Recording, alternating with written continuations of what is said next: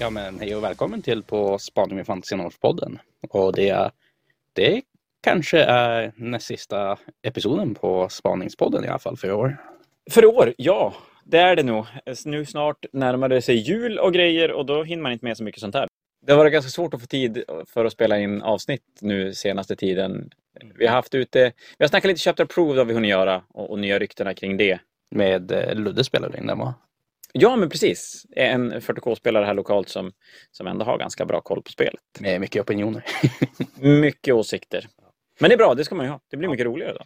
Men eh, största nyheten för den veckan är, tycker jag väl ändå är väl vad GW har gått ut och sagt att jo, drakarna blev lite fel och det är den här och den här batchen som man ska skicka tillbaka eller hur? Ja, men precis. Vi, vi har fått tre batchnummer som är felgjutna och de tar helt enkelt tillbaka dem. Gör de. Och så sen får vi, får vi nya om vi vill. Och det är ju, tycker jag, schysst. Det, det visar väl än en gång på att det inte var någon, någon större grej annat än att det har blivit något fel i gjuteriet. Mm. Och om det är på grund av rådande omständigheter eller om det är bara en, en clusterfuck, det ja, ja, spelar egentligen ingen roll så länge de fixar det. Att, och det är väl bra för alla som sitter där med en, med en drake med ett hål i, i bröstkorgen att det faktiskt bara hör av sig så får man en ny. Ja, faktiskt. Det, det tycker jag är riktigt, riktigt Nej, definitivt bonuspoäng åt GW för det. Onekligen, så är det. Eh, sen har vi fått lite nyheter. Magotkin-boken har vi just fått öppna och bläddra lite grann i. Mm. Den släpps imorgon.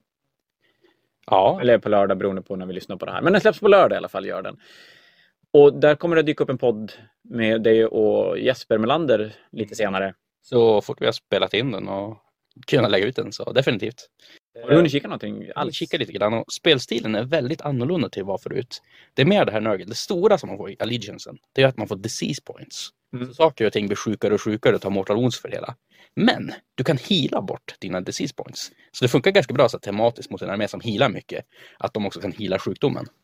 Men internet verkar ju ha gått sönder över att den här boken är typ det sämsta som har skrivits sen, eh, I don't know. Ja, alltså.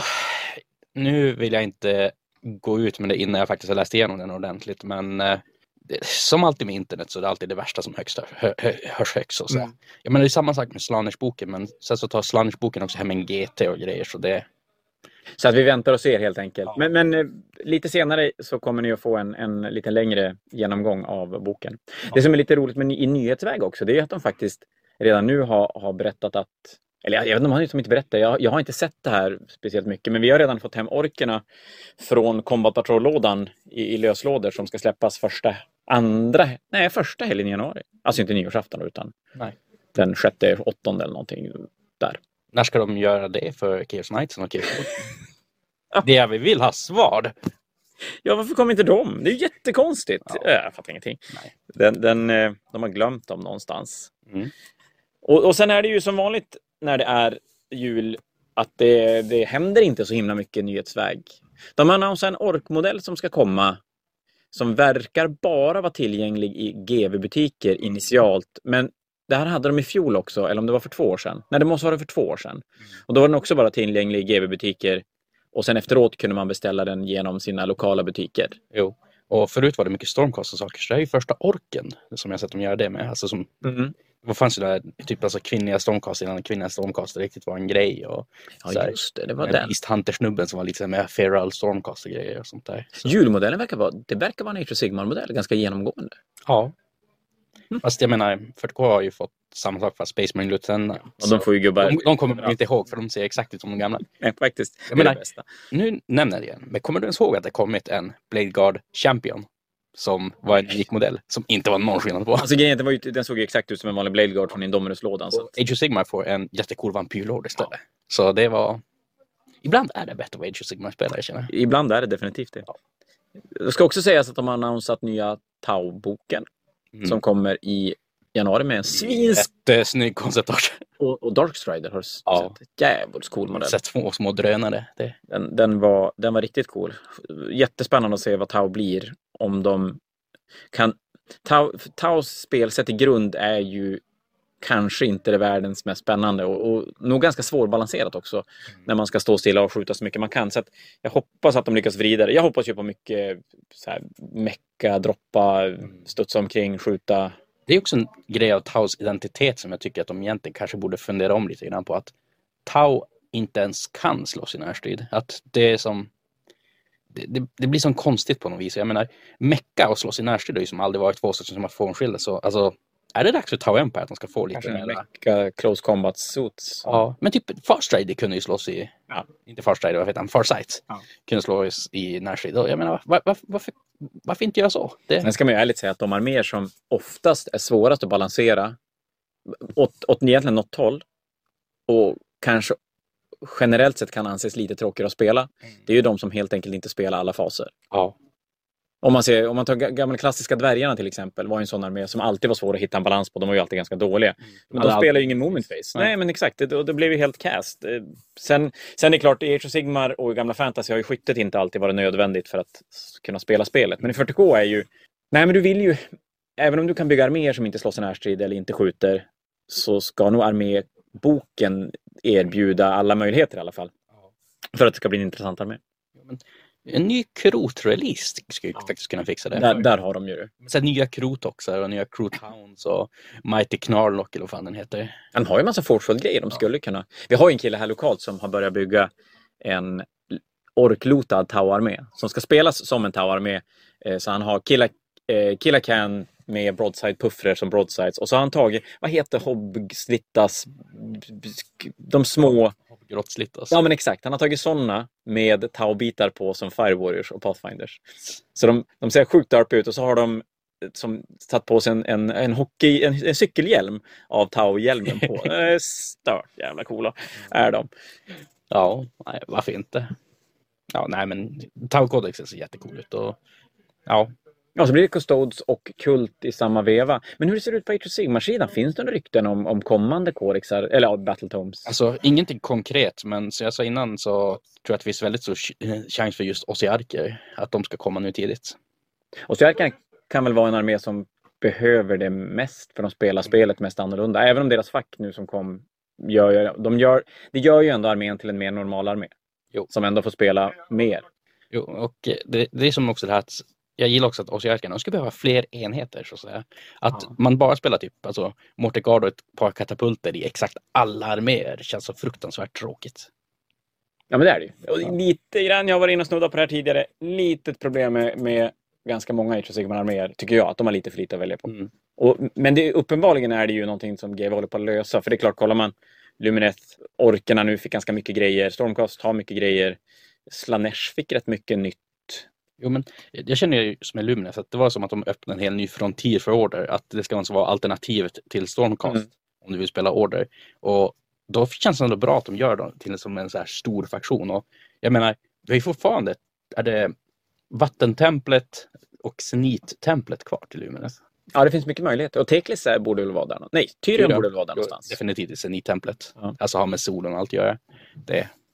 Och sen så på andra sidan så har vi då en till front de kan öppna upp för Order. Malerion och Skuggalver, Umbranet. Ja, det måste man göra också. Med tanke på Warcry-gänget som kom och sådär så finns det ju det, fin- det finns ju lite öppningar för det. Och, det, och så sen å andra sidan, på 40K-sidan, har vi börjat poppa upp lite rykten om... De har ju släppt ut en eventskalender med massa bilder och det är ju bara massa eldar-grejer. Och lite kaos. Ja. Så, och eldar så... Det låter väl som att eldar kommer först och sen kommer kaos. Och det verkar bli två stora releaser. Speciellt nu när man kollar på den här adventskalendern. Väldigt mycket eldar. Väldigt mycket eldar. Jävligt mycket fusion guns. Eller Dark Reaper-puffrar, någon av dem. Och det, det känns som att det är en armé som behöver och Ja. förtjänat fokus. De har redan koncepten för aspect warders och saker. Det enda de behöver göra det är ju faktiskt att uppdatera deras plats. Till och med Warspidern, som är, mm, släpptes 1995, Mm. är ju fortfarande en modell som den håller inte idag. Men, Men konceptet håller alldeles utmärkt. ja, alltså menar, samma sak med typ Fire Dragons och Dark Reapers och Ja, ja. Rangers. Alla de modellerna är ju ändå som snygga konceptuellt. Det är bara att de har för dålig grafik om vi ska säga att det var på dator. Ja, ja men exakt. Det, det, är så att, nej, de behöver ju bara göras, göras så att de är gjord 2020 och inte 1995. Mm. Så, så det ska bli väldigt spännande att se. En till sak de har släppt och pratat om det är att de har just spelat färdigt finalen i US Open. Och då släppte de, jag tror inte de har släppt någonting på HP. Jo, det kanske jag har gjort också. De har släppt en Metawatch från 40K. Jag tror de har gjort det till Sigmar-sidan också. Och, och den var lite intressant för de pratade ganska, de verkar ta in ganska mycket statistik. Eh, bland annat tar de in hur lister vinner om de får börja eller gå tvåa. Och där låg 40K på precis 50 procent. Ja, det är ju det är, Det är magiskt bra balanserat. Ja, verkligen. Och armélistemässigt så hade Drukari låg fortfarande högt på win-procenten. Admec hade droppat. Men sen hade alla arméer de hade buffat från, från facken hade gått upp. Necrons var fortfarande, tror jag, tror att Necrons fortfarande var sämst. Men ehm, alla ligger ganska nära. Drukari släpar lite grann för de har lite för hög win-procent. Men i övrigt låg det ganska nära 50 procent på väldigt många. Det är väldigt imponerande. Och jag menar, man skulle kunna säga att Age of Sigmar är det viktiga vem som har initiativet just för att du kan bli dubbelrundad. Mm. Men det man gärna glömmer bort också är ju att 40K är fruktansvärt mycket bättre på Alpha Strike än Age of Sigmar. Gud, ja, det är ju Du kan ju skjuta bort arméer om du får runda ett. Ja, och det ska ju sägas att i, i Age of Sigmar absolut att du har tärningsrullet, vem som, som går först och den här dubbelrundan. Men den är ju bra oavsett nästan hur bordet ser ut. Mm. I 40K så påverkas ju så otroligt mycket ur terrängen. För men spelar du lite terräng och möter en armé som skjuter mycket och får gå tvåa, ja, men då är du ju död. Mm. Då har du ingen armé kvar. Men spelar du med superduper mycket terräng och får gå först, ja, Ja, då du tappar du en hel runda. Så i, I 40K kommer ju den aspekten in att man måste ju bygga vettiga bord för annars blir det ju väldigt, väldigt konstigt med all typ av statistik. Och, och nu har de ju gått med, de har ju den här äh, terräng mm, kartan som de släppte ut som de har följt på sina egna turneringar. Och det är väl, där måste man säga, det är inte bara balansen i spelet och scenarion och arméerna som gör att det blir 50-50. Det- Jag skulle säga i 40K är det framförallt terrängen som gör att de kan dra det till en 50-50. Mm. Och det, ja, där, har- jag tror alltid det kommer att vara så i 40K på grund av att det är så pass skyttetungt spel. Ja, nej, som sagt, creds till de som skriver spelet helt enkelt och de som ställer upp turneringsterrängen. Alltså. Ibland har de koll. Ja. Jag såg att du hade fått in jättemycket lådor och grejer också. Ja, men nu har vi äntligen fått de här battle forcesna som, som vi har väntat på. GW har ju ett litet märkligt system. Eller de vill ju som att alla ska få chans att köpa sina lådor och sen får man mer senare, men det gör att det är lite svårt att få dem innan releasen.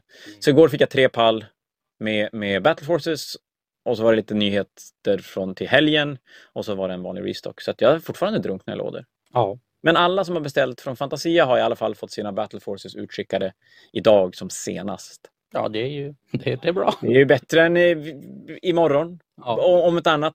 Men tyvärr är det ju lite händerna bakbundna när det kommer till det, när GW inte väljer att skicka grejer i tid.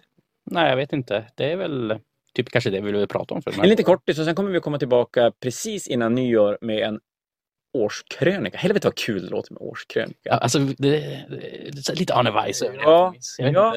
Så det blir en årskrönika som kommer... Ja, men ska vi helt enkelt lova att den kommer ut på nyårsafton? ja, det vi. göra. Det kommer en årskrönika på nyårsafton då vi bland annat kommer att brottas om den snyggaste modellen 2021. Vi vet ju redan att det här är Sigvald. Det,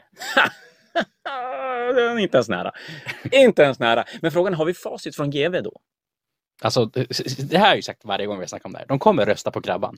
Ja, så är det ju. Men ska vi då göra så här att vi lovar nu för alla våra lyssnare att vi kommer att göra våran intern, hur vi vill att rankingen ska se ut innan GVs kommer ut. Ja, Så att vi kommer helt enkelt, var för sig, kommer jag och Henrik ha gjort våra fem bästa modeller, rankad 1 till 5, senast måndag. ja, Och så får ni helt enkelt lita på oss att vi faktiskt gör det. Eh, Men, men så att det vi kommer att prata om i podden på nyårsafton, det är jag tror mig om någon fuskar så ska jag det skvallra på varandra på direkt. Fy satan. Och, och då är det gjort innan någon röstning från GV och grejer kommer ut. Så, så ehm, får ni veta vad vi tycker. Ja. Och då vet, då kan, ni, då kan vi se hur duktiga vi var. Ja. När jag har alla rätt och du har alla fel. Svinbra! Ja. Tack för ikväll då. Tack för ikväll. Vi hörs sen. Hej då!